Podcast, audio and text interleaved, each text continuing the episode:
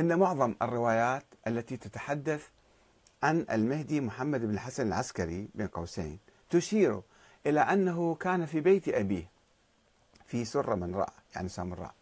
عاصمة الخلافة العباسية يوم ذاك. وأن الذين شاهدوه في حياة أبيه شاهدوه فيها عند دفن أبوه. وتقول بعض الروايات أنه خرج للصلاة على جثمان أبيه. هو ملاحق ومطارد ومختفي وأبوه مخفي صار له خمس سنوات. لما توفى أبوه قدام كل الناس اجى صلى عليه. شلون يجي يصلي عليه إذا هو خايف؟ شوفوا التناقض بالروايات يعني. انه خرج للصلاة على جثمان ابيه طبعا كذب لا خرج ولا يحزنون. روايات تروى. الذي توفي ودفن في سامراء وانه التقى بعد ذلك بوفد قوم. جايين وفد قوم يسألون على الإمام قال لهم تعالوا يمي بالبيت. الذي جاء يبحث عن الإمام الجديد اللي ما يعرفه. شوفوا أهل قوم ذيك الأيام حسب رواياتهم. أهل قوم جايين إلى قوم إلى سامراء يبحثون من هو الإمام وراحوا إلى جعفر في البداية. يعني ما كانوا يعرفون ماكو شيء اسمه قائمه 12 واحد مسبقا يعرفوه ولا يعرفون.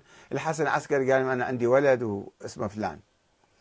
وإنه ظل يقولون حسب رواياتهم وإنه ظل مقيما في البيت إلى أعوام طويلة حتى دهمته قوات المعتضد العباسي سنة 280 تقريبا.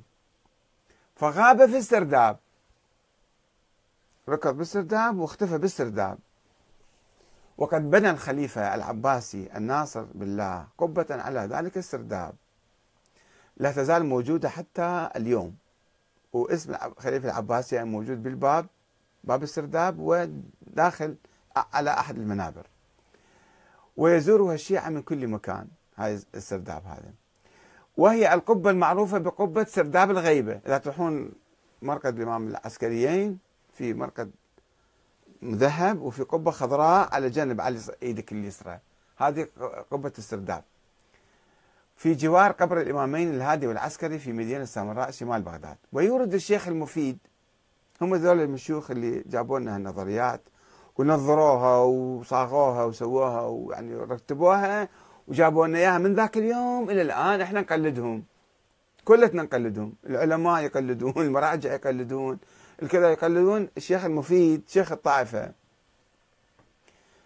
يورد المفيد قصة رجل اسمه علي بن الحسين. يقول إنه زار الإمام المهدي في بيته في سامراء وجلس عنده ثلاثة أيام. كما يذكر قصة الحسن بن الفضل الذي يقول إنه ورد العسكر يعني ورد سامراء يسموه العسكر أيضا. فبعث إليه الإمام المهدي صر فيها دنانير يقول بس إحنا سامراء الإمام المهدي سمع بي أنا جاي بعث لي فلوس. وينقل المفيد عن الحسن بن عبد الحميد أنه شك في أمر أحد وكلاء المهدي واسمه حاجز بن يزيد. هذا بده ياخذ فلوس وين يوديه ما أدري شنو يسوي شك بي. يقول فذهب إلى العسكر إلى سمراء يعني فخرج إليه ما يؤكد صحة دعوى ذلك الوكيل وينهاه عن الشك. طيب من وين خرج؟ شلون خرج؟ بيد من شلون ما يقول حتى شاف الإمام المهدي بس يقول هناك خرج له مره يعني. تركيب روايات أسهل التركيب وتأليف الروايات. طيب الآن السؤال الثاني عندنا. اقرأوا كل كتب الغيبة الطوسي النعماني المفيد كلهم يتحدثون نفس القصص ذني. كم هي مدة الغيبة؟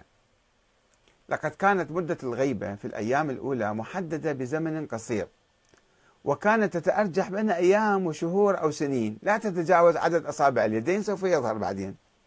كما تقول روايات كثيرة يذكرها الكليني والطوسي. المصادر كلها موجودة بس أنا دا أختصر لأنه اللي يحب يتابع يراجع كتابي كل المصادر موجودة في الكتاب. بينما كانت روايات أخرى تقول إنها ستطول الغيبة حوالي 30 أو 40 سنة أكثر شيء وأشار بعض الروايات إلى تحديد مدة الغيبة بوقت قصير جدا وحداثة أمر الإمام المهدي عند الظهور. يعني يكون شاب ما يكون رجال شايب. وقد فسرها النعماني بحداثة عمره وقت إفضاء الإمامة إليه لأنه النعماني أجى ورا تقريبا 100 سنة 70 80 سنة. فشاف لا إذا يقبل بهالروايات راح يصير مشكلة. عمره صار تجاوز الأربعين فقال يعني وقت ما يصير إمام يكون آه، هو حدث. يعني شاب بعده مو وقت اللي يخرج أو كذا. حاول يأول الرواية. آه، ونقل الطوسي رواية أخرى عن الإمام الباقر. ذيك الأيام كانوا يتحدثون عن المهدي بس مو معلوم يا مهدي كان. أي واحد يعني الثائر يقصدون. أن صاحب هذا الأمر لا يتجاوز الأربعين. لو واحد قال له أنت المهدي قال له لا مو أنا المهدي أنا صرت عمري يتجاوز الأربعين. أن ذاك عمره بالشباب يعني بعد أول شبابه فركبوها على هذا المهدي قال أربعين سنة عمره. وقالت روايات أخرى أن عمره قد يجاوز المئة والعشرين. هم معقولة شوية يعني 120 بينما روى الطوسي في مكان آخر عن أبي عبد الله عليه السلام عن الصادق أنه قال ما تنكرون أن يمد الله لصاحب هذا الأمر في العمر كما مد لنوح في العمر. سووا لك رواية عن الإمام الصادق الآن أنه الله يمد العمر. زين الإمام الرضا ما كان يعرف هاي الرواية؟ ما هو حفيد الإمام الصادق. ليش قال للواقفية الذين قالوا بغيبة موسى بن جعفر وقفوا عليه وقالوا إنه غاب؟ موسى بن جعفر طلع من السجين وشرد وغاب. قال لهم لو كان الله يمد في أحد لو كان الله يعني بحاجة أن يمد عمر إنسان يطول عمره. لمد الله في عمر رسول الله. لماذا يمد في عمر أبي؟ شايفين شلون؟ هذا المنطق الصحيح. هذا منطق أهل البيت. أنه مو معقول واحد يغيب ويطول عمره ومدري شنو. هذا كله حكي مصفط بينما آه، ورد على من استشكل طول مدة الغيبة. هسه هذا الطوسي اجى بعد 200 سنة والإمام صار كلش طويل فجاب له رواية طويلة أيضا. تركيب روايات تركيب كلها تركيب الروايات. إحنا ما عندنا غير القرآن اللي ثابت متواتر وصحيح. البقايا الروايات كلها يصدقون بها آه، بأن الأمر ليس على ما قالوه. ولو سأل هذا الطوسي يقول. ولو صح إذا إذا لازم يصير هالشكل يعني يطلع بسرعة. لجاز أن ينقض الله العادة لضرب من المصلحة يطول عمره. واستشهد الصدوق والطوسي بغيبات الأنبياء السابقين مثل موسى بن عمران. موسى بن عمران راح له كم يوم بالجبل حتى يتلقى الوحي من الله. مو غاب عن. وخلى أخوه آه، هارون آه، يعني يدير شؤون اليهود، مو انقطع عنهم نهائيا. ويوسف بن يعقوب ويونس بن متى يونس طلع له يومين ثلاثة من كم ساعة يمكن طلع من القرية مالته مو غاب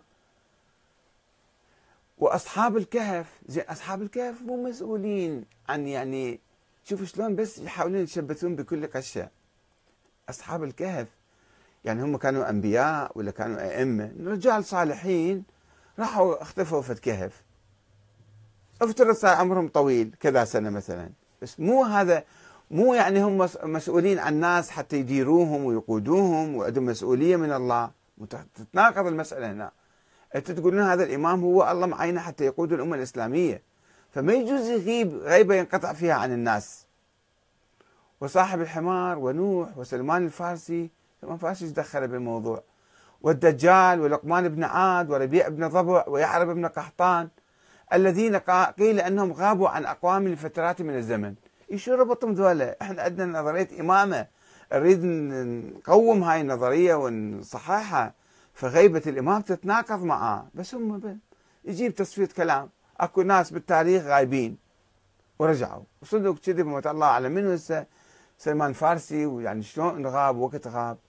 واللقمان بن عاد منه هذا بعد؟